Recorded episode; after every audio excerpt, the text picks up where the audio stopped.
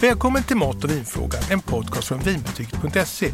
Och hej igen Kristoffer, hur har du haft det i sommar? Ja, men jag har haft det bra. Jag Ja. har vilat som tusan. Jag är småbarnsförälder så det, det, det, det viktigaste är att sova, inte hitta på någonting. Men går det att vila då? Nej, till full fart? Ja, det är full fart. Okej, och vad gör man då? då? Badar man och Ja, leker? Och... vi har badat en hel del. Ja, det har vi ja. gjort, verkligen. Pappa också? Ja, inte lika mycket. Pappa är badkruka. Ja, jag vet ju. Ja. Men, det är inte det viktiga. Det viktiga är att barnen får bada. Ja, men jag har klarat mig ganska bra att bara liksom gå i med fötterna. Oj, Ja, han, de är inte så stora än så länge. okej, det låter bra. Ja. Men du har varit i Italien i en månad. Mm. Är det något att ha? Ja, alltså så här kan man ju säga. Alla länder, det finns inget perfekt land. Nej. Alla länder har sina fördelar och nackdelar. Och självklart, Utom Italien. jo, självklart har Italien också det. Ja. Och då tycker jag att det finns ett ful-Italien och det finns ett fin-Italien, Ja. kan man säga. Ja. Kan du berätta lite mer om det? Vad, vad, vad är fin och ful Italien jämfört med Sverige? Fin och ful Sverige? Ja, men man kan titta på, det finns då till exempel kring mat och dryck, det Ja. som vi, vårt område kan man säga. Men jag måste, innan jag kommer in på det, måste jag fråga dig bara. Brukar du lyssna på Sommar i P1 någonting? ja, men ibland. Mm, mm. Har du lyssnat på något bra? Ja, Jag har inte lyssnat på någon än, men några som jag skulle vilja lyssna på är Annie Lööf och Nora Khalil. Det är något som Okej. jag har haft här Mm. och jobbat med. Jaha, så du känner dem lite grann? Ja, det ska väl, det är att ta i. Okej. Men, men de har i alla fall varit här och jag har spelat in dem. Ja. Och det skulle vara kul att se om jag har gjort ett bättre jobb än dem i, i P1. Okej. Det, det, ja, det, det vore kul att lyssna på, tycker Mm. Jag har egentligen en som stack ut tyckte jag. Jag har inte lyssnat på jättemånga, men ett program som var fantastiskt och det var Jessie Sommarström Mhm. som blev Årets kock Just det. 2022. jag. Just det. Och det är inte bara för att jag tycker det är kul med mat, utan hon hade ett bra eh, innehåll som var fruktansvärt dramatiskt. Alltså hennes uppväxt och hennes kamp och hennes uppförsbackar som hon klarade, det är fullkomligt enormt. Okej. Delvis kommer man in på konkret matlagning och rätter Mm. och sånt där, men hon berättar om när man ska försöka utveckla sig som kock så gäller det att få jobba på de bra restaurangerna och det blir Just det. liksom en merit, det är ju som en skola att man har jobbat där, då kan man få ytterligare bra jobb Ja, och så vidare. Så hon lyckades få provanställning på Sturehov. Okej. Och första dagen så var ju hon superpirrig och ville verkligen eh, alltså anstränga sig så mycket hon kunde och Mm. råkade bränna sig fruktansvärt på armen och säger ingenting och jobbar med den här skadan Mm. under dagen. Mm. Och någon ser det här Mm. och, och säger du måste till sjukhuset och det är andra gradens brännskada. Det är ju riktigt seriöst. Mm. Och det säger ju en del om hennes liksom kampvilja. Ja, ja. Och jag kan rekommendera alla som lyssnar på det här som inte har lyssnat på. Lyssna på Jessie Sommarström. Ja, Men det ska jag absolut lyssna på. Men inte just nu. Nu vill jag höra om Italien jämfört med Sverige. Och sen efter det så ska vi också hinna med några lyssnarfrågor också. Mm. Först då, så att jag får en liten bild. Hur bor du i Italien? Alltså vi har varit eh, i Toscana i, i ett antal somrar och Ligurien och, och på Sardinien. Ja. Men så fick vi ett tips av en kompis som jobbade på ambassaden i Rom om att det fanns en liten hideaway, en liten sån här eh, sömnig semesterby eller man ska kalla det för, Mm. mm. Seaside Resort, där romarna sticker eh, när det blir för varmt. Det ligger två timmar från Rom ungefär, Mm. vid havet. Så då, och det fastnade vi för. Trots att vi hade sett massa trevliga andra ställen så var det det här som liksom gick rakt in i hjärtat. Det låter alldeles utmärkt faktiskt. Det här är ju inte något jätteflott ställe på något sätt där det finns liksom stora jotter och du vet, kasinon och barer och grejer, utan det här är ganska så vardagligt. Ja, mysigt. Ja, men det är det. Och det är inte så mycket utländska turister, utan det är mest italienare. Mm. Du vet, pratar du med polisen på gatan, de kan inte ett ord engelska. Ingen kan engelska i hela byn. Det är härligt ändå. Byn har då två delar kan man säga. En ligger på stranden där det är lite halvnya hus Mm. och så finns det en gammal antik by, nästan som en grekisk by, uppe på en höjd över havet sådär. Ja, ja, ja. Ja, och så går man emellan där och det tar liksom två minuter så det är ingen sträcka. Men Det låter trevligt. Ja, man handlar och man eh, går till bagaren och man går och tar eh, någonting att dricka i någon bar och sådär. Och, Mm. Framför man kör inte bil i byn liksom. Nej. Det går inte egentligen. Är liksom pittoreskt ett bra, en bra beskrivning på det här? Ja, det kan man väl säga. Eh, det kommer folk från regionen dit för att, på kvällen för att köpa glass och bara gå runt och vara Mm. liksom tittolle. Det har i alla fall den nivån. Mm. Och sen så har väl några såna här Italiens finaste byar så är den här med. CNN hade någon sån här grej. Ja. Så den har någonting. Men det, det, det är framförallt utsikten och att det är bra, trevliga bad. Det är Ja. kanske inte något för dig. Men din son kanske skulle gilla att bada. Vi, tar det om 15 år eller något sånt där. Du har kommit över badkrukeriet. Exakt, eller Ja. han får stanna hemma. Och det är lite speciellt, vi körde bil i år. Va? Det är 300 mil. Här ner till Italien alltså? Ja, Ja, wow. eh, ner och så, så är det 300 mil hem också om man ska hem, vilket vi skulle och sådär. Och då står bilen kanske mest i trädgården där under Ja. något pinjeträd och den är helt liksom barrtäckt och sådana här långa barr. och så knallar man runt. Vad jag tänkte på var att det var ju spännande, biltåg från eh, Hamburg genom det. hela Tyskland och vaknade upp nere i Basel. Okej. Då klämde man ju några mil så man slapp ju köra Ja, allt verkligen. liksom. Men tåget var ganska skruttigt då. Ja, men det var lite sådär, det hade sett sina bästa dagar. Ja. Och de var extremt långsamma, de här gubbarna, när man skulle köra av bilarna. Det var liksom, tog år och då, så då tiden bara tickade iväg. Men, och då var man ju nästan i Piemonte och sådär. Så att det var, men alltså fördelen med att köra bil kontra att flyga och hyra bil, det är ju att man får ju med sig massa grejer hem. Och, Det är sant. Ja, och att man kan se och stanna och sådär. Vi stannade i Piemonte på vägen ner och i Toscana på vägen hem i Veneto. Och det var, man ska ju inte glorifiera det här med bilar. Det är långa transportsträckor Mm. och ganska fult bitvis. Mhm. Ja, och tråkigt som bara den. Och då kan man lyssna på bra sommarprogram. Ja, det. Men, eh, det är, det, men så finns det vackra delar. Och Ja. då är ju faktiskt så att eh, Alperna och Italien, det är ju det som man känner så här wow. Ja, det förstår jag. Det är som ett rullande vykort. Det tar inte slut, bara mil Nej. efter mil efter mil. Ja. Och då tycker jag nog att det här, alltså Venet och där Valpolicella-vinen och det kommer från var väldigt vackert. Alltså. Ja, det kan jag tänka Ja. mig. Så det, det, det och sådär. Och jag har eh, faktiskt med mig ett vin som har åkt till dig. Jaha, Mm, det har åkt hela ja, vägen. men vad trevligt. Jaha, Här har jag suttit och väntat. ja det är bra. Det är bra. Men det, vi kommer till vinet. Ja. du får vänta lite. Ja, jag förstår. Ja, det låter ju som att ni, ni bodde kanon där, helt enkelt. Ja, det var 17 året. Så Ja, ja men då så. lite kläm på det. Ja. Men hur är det liksom att handla mat där? Jo, men i den här gamla antika byn då, där finns det en liten familjeägd eh, handelsbod kan man nästan kalla det. Det kom in små gummor med en bok där de skriver upp vad de har handlat. Ja. Man betalar inte med kort och sådär. De är supervänliga och det är väldigt charmigt och så. Men ehm, ska man handla lite mer alltså, saker då blir, åker man till grannstaden, höll jag på att säga, men också ganska litet ställe. Där har de en supermarkado som är nybyggd Okej. med manuella diskar. En för fisk och skaldjur och en för bakat och en för eh, färskostar, ricotta, mozzarella och sånt där. Ja, ja. Och en för skinkor och grejer. Ja. Och, och där, eh, där får man liksom med sig lite mera hem. ja, det låter ju kanon. De har, det måste man veta, det är helt det är ju speciella avdelningar där man handlar med manuella diskar, men de har en enorm avdelning bara för vatten.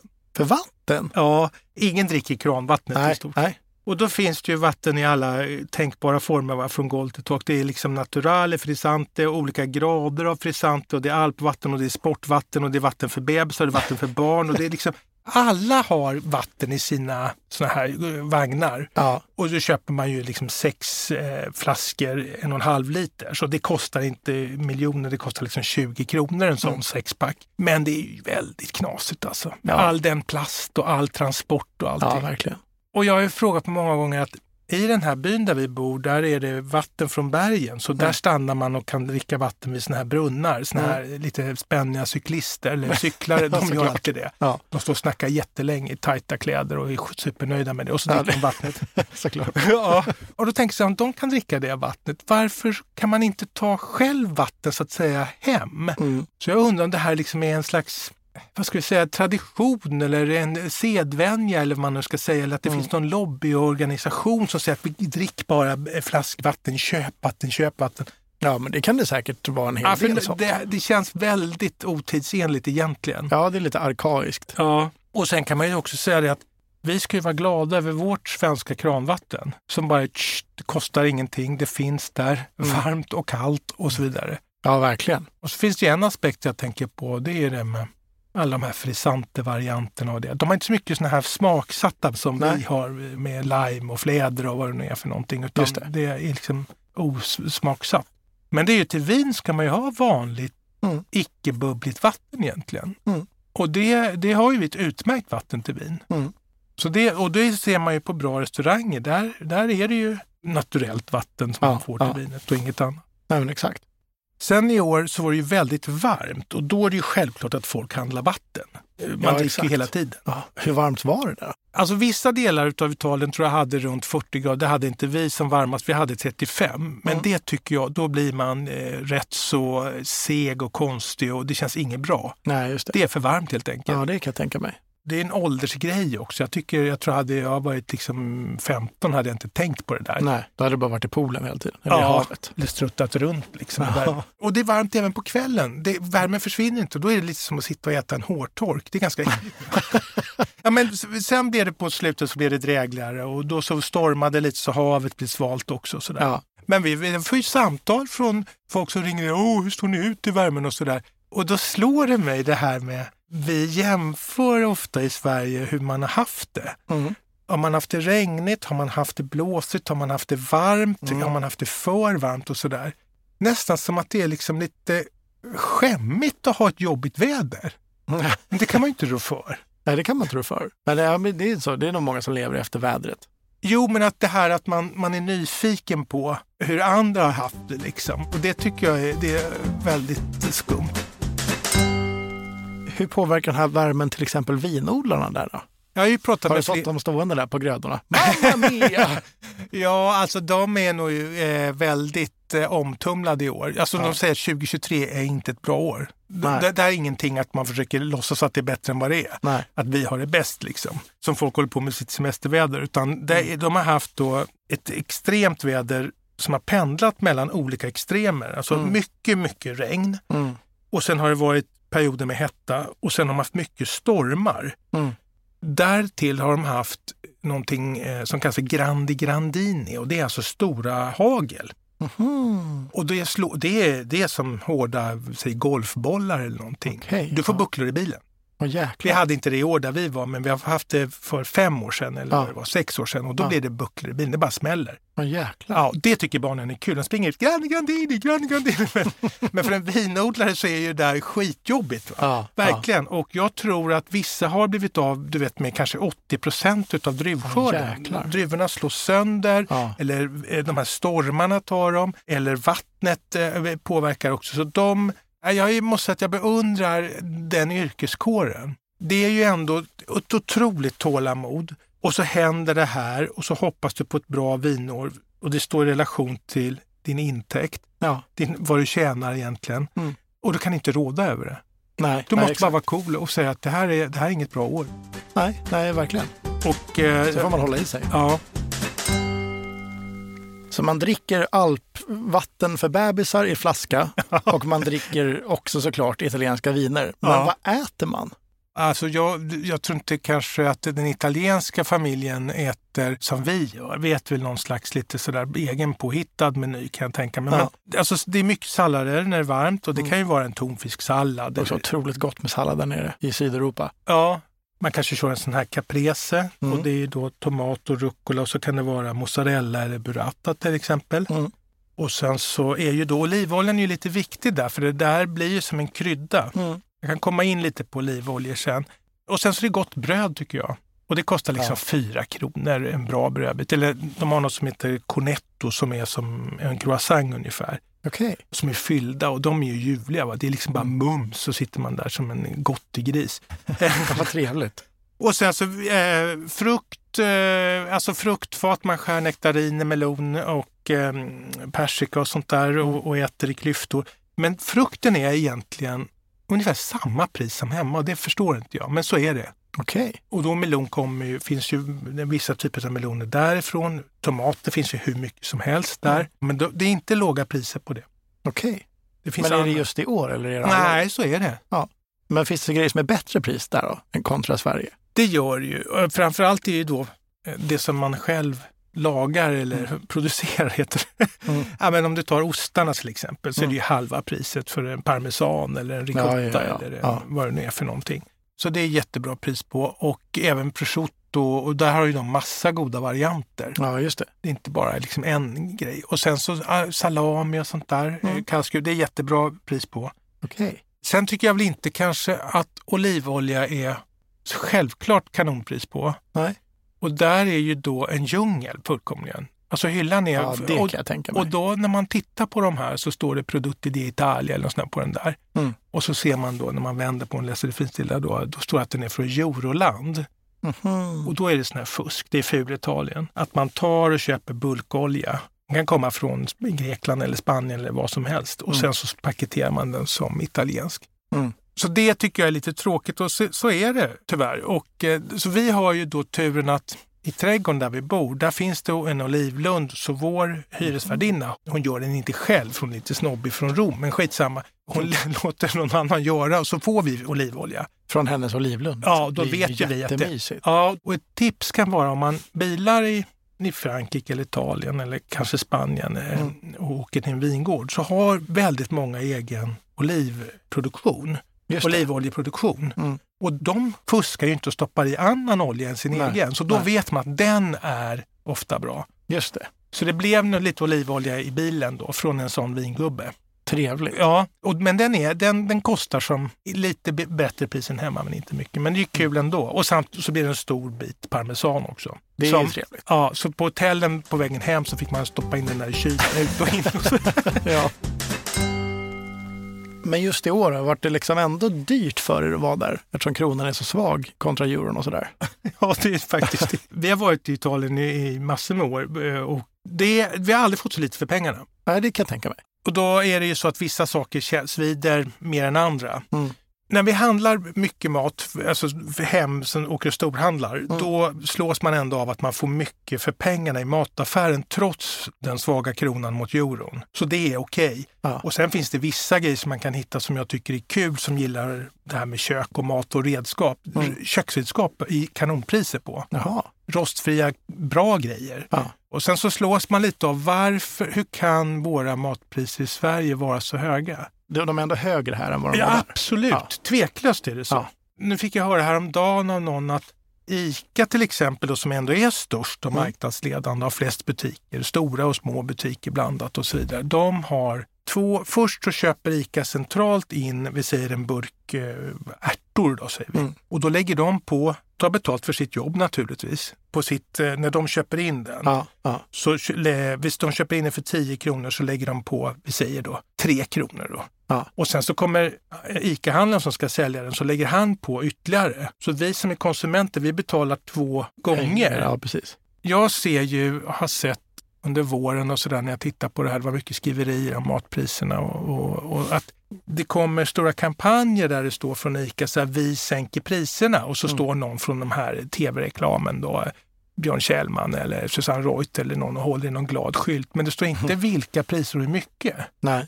Kommunikativt är det urlarvigt. Mm. O, eller vad ska jag säga, otydligt dessutom. Mm, Och eh, då har det väl visat sig att ma- alla man pratar med säger "Nej, jag upplever inte att något pris är sänkt. Det är lite som greenwashing fast, eh, fast för pengar. Ja, man påstår att man sänker priserna men i realiteten gör man inte det. Nej, exakt. Och de har gått upp till 30 procent på två år. Så det här, om jag, jag skulle önska att någon ICA-handlare ringde inte på den, inte just nu kanske för det, är lite spontant, men nästa gång. Ja. Eller skrev och, och förklarade hur det här fungerar. Mm. Eller du som lyssnar på podden, hur du upplever det här med våra svenska matpriser. Mm.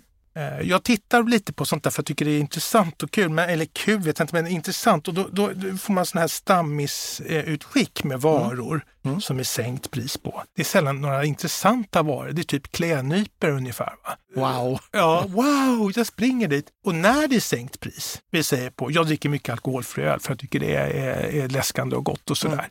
Då är det ju inte ICA som sänker från, vi säger 15 kronor till 10 kronor den veckan, utan det är ju Carlsberg eller vem det Ja, är. just det. Så ICA sänker inte, utan det är producenterna utav de här livsmedlen, vad det nu är, Kalles Kaviar eller vad det nu är, yoghurt från Arla eller vad det nu kan vara. Just det. ICA ger ju ibland sken av att det är de som sänker priserna. Mm. Men det är ju tillfälliga kampanjer. Det var en artikel om att Willys då som är lågpris på mat Mm. har tagit marknadsandelar och ICA tappat lite. Så det här kan ju straffa sig i längden. Ja, just det. Att konsumenterna säger att det spelar ingen roll hur trevliga och roliga filmer ni har, tokiga filmer på tv, Mm. om, om priserna är så här. Mm.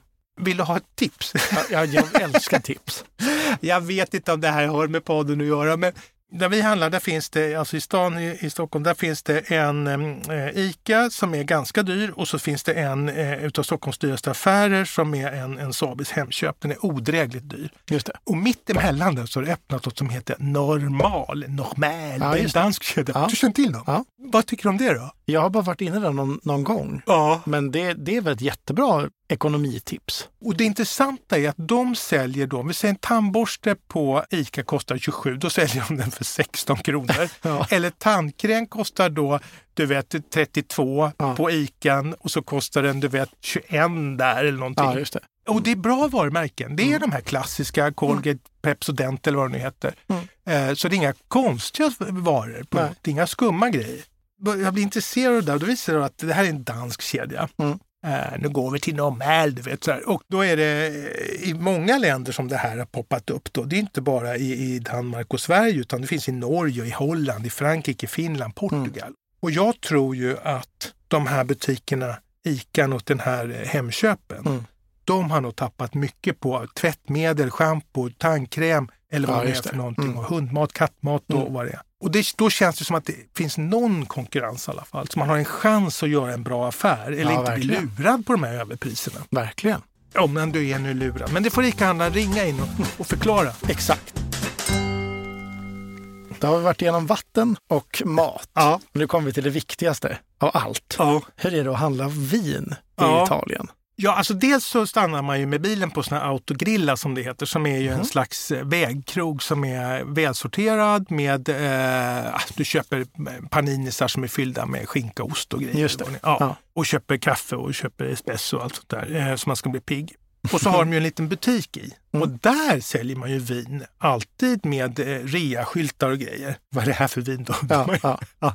Och i, i byn där vi bor, den gamla byn, där finns en liten butik som är specialiserad på vin. Jag tror jag har nämnt den. Det, den är charmig och fin. Det står vin och, ö, ovanför, eller Mm. vin i, ö, med snirkliga, vackra bokstäver på fasaden där. Det är Just det. vackra dörrar och vackra fönster. Men den är liksom odrägligt varm den där butiken. Och Mhm. gubben som har den, jag tror han har ärvt den. Ja, men han, är, han är inte på tå. Han sitter och snackar med sina kompisar utanför. Ja. Och så, så reser han sig så här lite motvilligt när det kommer en kund. Ja, jag handlar inte där. gärna och så. Ja, suckar lite. Ja. Och, så, och så vet han ingenting om vinet. Jag skulle ge en present till en tant i byn som hade hjälpt mig med en grej och frågade lite om bra vita viner för jag trodde hon gillade det. Och han, hade, han liksom var inte intresserad. Han, och så. Nej. Strunt alltså, det handlar man i stora supermarkadon. Okej. Där är det då prydliga hyllor, Mm. men det finns inget system för hur vad ja, vita står för sig och, och mousserande för sig för sig och så röda och sådär. Men, och jag tycker väl att priserna är generellt sett lite lägre än i Sverige. Men nej, alltså jag jämförde ju de viner som jag kan från Sverige. Jag köper ju säkra kort. Mm. Om jag ska dricka ett gott vin till maten så törs jag inte bara rycka en flaska ur hyllan. Utan då blir det något av de här kända stora vinhusen. Och de ligger väl ungefär som i Sverige. Ibland är det lite billigare i Sverige på Systembolaget. Och vad som är intressant är att de har ju nästan bara italienska viner med ett undantag. Och det är, alltså champagne är ju champagne. Ja, just Så det. det har man ju ingen egen. Och då är de här vanliga champagnevarumärkena. Mm. Och då kostar de, och det kan vara kul att veta, om en champagne, de finns flera bra som ligger runt 500 kronor på Systembolaget. Mm. Då kostar de där nere 750-800 kronor. Okej. Ja, så där är det mycket dyrare med champagne Ja, i verkligen. Italien än i, i Ja. Sverige. Vad spännande. Mm. Och sen så tycker jag väl att jag saknar lite det här med att man kan fråga om saker. Jag har letat efter några viner sådär någon gång och frågat och då det är ingen som vet riktigt eller inte kanske... Ja. Så på Systembolaget hittar man ju, nej, eller man får hjälp och där har du det. Mm. Vad tror du om det här vinet? Så ofta så jag vet inte, men fråga min kollega som jag tror har provat det här. Det, jag tycker vi har en hög servicenivå. Och jag är lite skraj för att om Systembolaget då skulle liksom försvinna, Mm. att vi skulle då skulle det bli som Italien. Det skulle styras av pris och allt möjligt. Och nu Kristoffer, så tänkte jag att du skulle få prova ett vin, kanske inte just i studion, men du får ta hem det här och prova. Vad trevligt. Ja, så här ser det ut. Och då är det så att, du vet, Sardinien, Ja. det är ju känt för fina stränder och kristallklart vatten vatten och det är liksom en odräglig lyx på norra Sardinien. ja, men det är såna här ja. jotter, du vet som Finlandsbåtar. Det, det, Ja, ja, det är okej. vulgärt. Va? Det är liksom är pengar som, de bara ligger de där jotterna. Och då så skulle de, pengar kunna gå till något vettigt till eh, skola eller sjukhus eller någonting. Ja, De används inte båtarna, ligger där. Och då har de inga fina viner på Sardinien. okej. Nej. Och varför vet jag inte riktigt. Jorden kanske inte är bra. Man Nej. kanske inte kan hantverket. Förutom de har en DOCG-region, den högsta klassen utav de italienska. Och det är den här. För det, Och det det, det, där tjuvläser jag på flaskan. Ja. Och det är ett vitt vin då. Och vad står det på flaskan då? Det står Vermentino di Gallura. Ja, och det är den regionen. Okej. Så det är druvan som heter Vermentino och så är det Di Gallura som är då området. Okej. Ja. Den här Vermentino-druvan, jag tycker att vinerna blir, eh, jag gillar inte det lite sura, blaskiga vita vin, utan det här har lite fyllighet så här. Okej. Ehm, lite smak, lite karaktär. Och det odlas på flera ställen i, i Italien, eh, ofta längs kusterna. Och det här, alltså det här vinet, även om det är en DOCG, så det kostar ju inte som en Lamborghini utan det är, liksom, det är snarare 150 kronor, den här. Okej. Men om man vill prova det här, vilket jag gärna vill tipsa alla som lyssnar om, eh, så finns det på Systembolaget, främst i beställningssortimentet, ungefär 30 stycken Vermentino-viner från Italien. Mm. Och de ligger någonstans mellan eh, 110 300 kronor. Okej. Och Ja. beställa är ju ganska enkelt. Det tar kanske 5-6 dagar eller någonting och så Mm. får man det till sitt systembolag. För det, det, är ett, det är ett bra vitt vin och det borde finnas fler tycker jag Det ska egentligen. bli jättekul att testa. Mm. Det är också en Riesling-flaskform. Jo, Sån där smal. ja, Så titta vad jag har lärt mig. ja. Ja. Och vad är det för artikelnummer förresten? Det måste Nej, men den, också. den, här kommer, den här finns inte i Ja, Sverige. den har inget. Okej, så Nej. då måste man helt Den är enkelt... smugglad. Wow! Men om man blir sugen på vita viner av Vermentino-druvan, Ja. då finns det runt 30 att beställa på Systembolaget. Just det, men inte just precis den här helt. Inte just den. Okej, Ja, men nu får jag sluta prata om eh, Italien. Jag, nu vill jag lyssna fråga, ja, Kristoffer. okej, vi kör.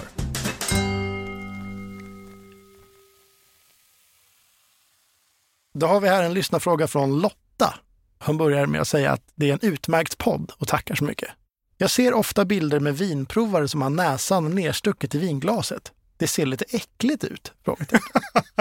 Ja, det är en vanlig bild i vinsammanhang. Jag får ju på Instagram då eftersom jag eh, tittar på viner och eh, har liksom själv lägger upp viner och sådär. Då, då har ju då algoritmerna, då Mm. kastar de ju på dig massor med vininlägg. Just det. Och nu ser jag ibland vinprovare, sommelierer eller vem det nu är, eh, som står med ett vinglas och så har de ena näsborren i. Och jag, jag tycker väl också att den där bilden är eh, inte så aptitlig på något sätt. Jag kan förstå Lotta lite grann när hon säger det. Jag tror väl att de som tar bilden, de vill illustrera att vinets doften är så viktig för smaken. Mm. Och en vinprovare brukar ju börja med först titta på färgen och liksom se lite grann hur det rinner i glaset, alltså synen först och sen så tittar man doften. Och därefter tar man och smakar. Just det, för Men- hur det rinner av längs kanten kan man se hur... Ja, lite grann ja, hur, hur, eh, ja, hur kraftigt det är och så Just det, just det. Men jag, jag tycker väl att eh, den här bilden är eh, också, eh, ju mer, alltså, jag tror Lotta har en poäng där. Och dessutom blir gubben ganska stor och Mm. glaset är ganska litet, jag ser knappt vinet som betraktare. Så att, som svar Lotta, det var ett yvigt svar, ursäkta. Men det är för att man vill illustrera att eh, man doftar på vinet och då bedömer hur, hur, vad det är för typ av vin och, och ja, aromerna, hur det kan smaka och så vidare. Men det, det, oftast så finns det ingen kommentar till att det här vinet har aromer si och så, därför smakar det så här, utan det bara står en gubbe. Det kan man se på vinböcker också, står ofta Ja. någon gubbe och stoppar ner näsan i ett glas. Ja, verkligen. Och så har vi en till fråga och det här är från Marcus. Mm. Han tycker inte att det var någon bra podd. Det började han inte med. Han sa hej podden i alla fall. Ja. Jag skulle vilja lära mig lite mer om hur olika viner smakar och hitta viner som jag gillar. Jag har försökt läsa några vinböcker också, men blir inte så mycket klokare. Det är också lite tråkigt att läsa dem. Och det kan jag väl hålla med om, kan jag tänka mig. Ja, men vinböcker det är lite som att om du säger läsa om musik. Mm. Alltså, du får ändå inte någon upplevelse. Det är först när du lyssnar på musiken, du som är musiker vet ju det här. Mm.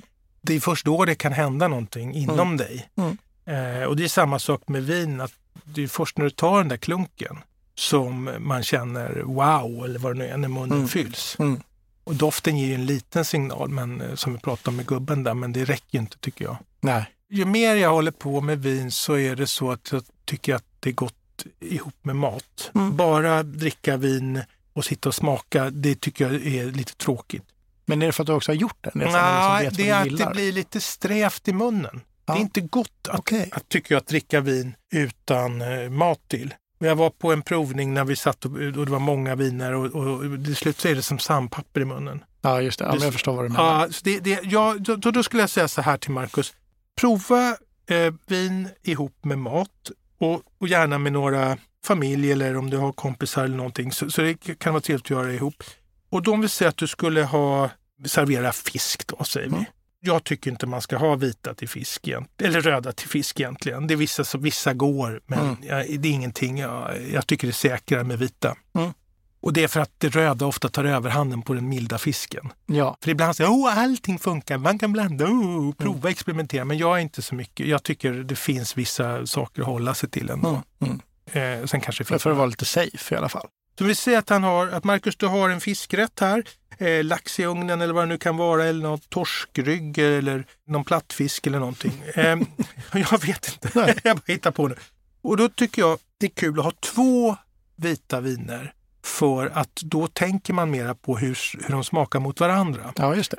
Om vi säger då att du har en, den här druvan som jag är, är lite igång på nu, den här Chenin Blanc-druvan. Mm. Alltså vi går inte på land och så tar ett från Frankrike och ett från Sydafrika för då det, det finns så mycket varianter. Då. Ja, ja, okay. Men de här stora druvorna de finns ju i de stora vinländerna. Mm. Så då har man liksom ringat in det. Så vi säger att du tar en Chenin Blanc, den kan vara från Sydafrika eller den kan vara från Frankrike. Strunt samma, utan det är viktigt att det är, Chenin Blanc. Liksom. Ja, druvan. Mm. Och så kanske tar en Riesling. Och den kan vara från eh, till exempel Nya Zeeland och då är den lite vassare sådär. Mm. Eller lite rundare och så från, från eh, Tyskland eller Österrike eller så. Mm. Och då känner man skillnaden på de där så upplever jag i alla fall tydligare att aha, det här smakar så här, det här smakar så här. Mm. Sen har jag märkt när jag gör det hemma med kompisar ibland att det blir väldigt snabbt. Åh, vilket var vilket här nu då? Och så blir det massa, du vet, runt bordet så här. Och det beror inte på att alla är berusade utan det beror på att liksom det är rörigt med glasen. Mm. Så att har man ett glas som är kanske lite mindre säger vi för till exempel Chenin Blanc och så har man ett annat vin, typ av vinglas för, för Rieslingen. Mm. Då blir det lite lättare att hålla reda på när man pratar det. om det. Och då, Marcus, så kanske du känner att fasen, det är ändå det här med eh, Chenin Blanc som jag gillar lite bättre. Mm. Då har du liksom identifierat en druva och sen kan du hoppa vidare och testa från olika vinländer den. Eller om du är på restaurang, då vet du att den druvan är någonting? Ja, det, ja. det är sådär. Så man börjar testa druvor och sen så kan man fördjupa sig i en druva? Ja, och då tycker jag att för att inte göra det så rörigt för sig själv mm. och svårt eh, så skulle jag ta två mot varandra. Mm. Inte ha tre olika. Nej, det, blir, ja, det kan jag tänka Det har jag testat också, det, det funkar inte. Nej, det blir för, intressanta ja. är att varje gång jag gör det där mm. så är det ett vin som vinner med en druva som vinner. Ganska mm. solklart. Så, så utkristalliseras det här, det här, det här, det här mm. eh, och oberoende av varandra. Mm. Och sen så ett exempel då så är det att om du har någon form av kötträtt, då brukar man ju ha rött. Mm. Eller om man är vegetarian som du, då kanske man har lagad hårdost. Just det. Och det tycker jag är en superkombination. Det blir mm. alltid gott. Mm. För att vinet vinner på det här med, med osten, mm. att det smakar. Mm. Och då kan man ha en Cabernet Sauvignon. Den kan komma från Frankrike eller den kan komma från Australien eller från... Mm. Det viktigaste är druvan. Ja. Först. ja. Och då kanske det skiljer lite mellan olika länder, men det är inte så viktigt tycker jag i början. Och så kanske man har en syra som det heter i Frankrike och den druvan heter ju Shiraz i Australien. Det är en stor druva där. Då har man Cabernet Sauvignon och så har man Syrah mot varandra. Mm. Och då har man också ringat in två stora grupper och säger man det var det här.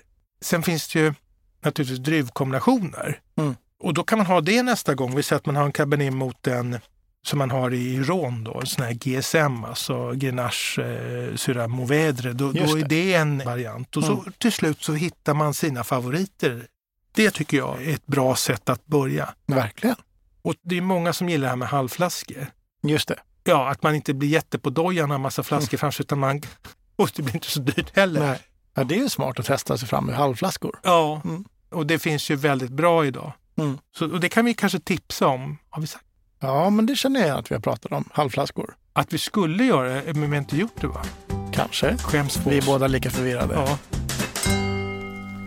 Vi får ju också frågor till podden ibland eller på mejl här om att man vill ha fler konkreta vintips i avsnitten. Okej. Och vi hinner ju inte göra så mycket. Det ska bli bättre nu i höst, det lovar jag hela tiden, men det ska bli bättre. Men det finns ju i avsnittsbeskrivningen till det här avsnittet och till de andra avsnitten så finns det länk till vårt eh, nyhetsbrevs och där kommer ju konkreta beskrivningar och bilder och allting Mm. med viner. Mm. Och sen har vi även då på Instagram konkreta vintips. Just det. Och ofta är det från eh, topplistorna. Alltså det är ju den här grunden för vinbetyget att vi vill tipsa om bra vin. Så, det, eh, så kika gärna där om du vill ha fler vintips. Ja, men verkligen. Men du Kristoffer, Är det, är det dags nu? Avrunda? jag tror det. Ja. Tack för idag, kul att ses igen. Ja, men detsamma. Så ses vi mer i höst. Ja, och tack alla som har lyssnat. Ha det så bra. Vi hörs snart. Hej då! Hej då! Har du frågor om mat och vin? Alla frågor är välkomna. Maila till mig på stefan.vinbetyget.se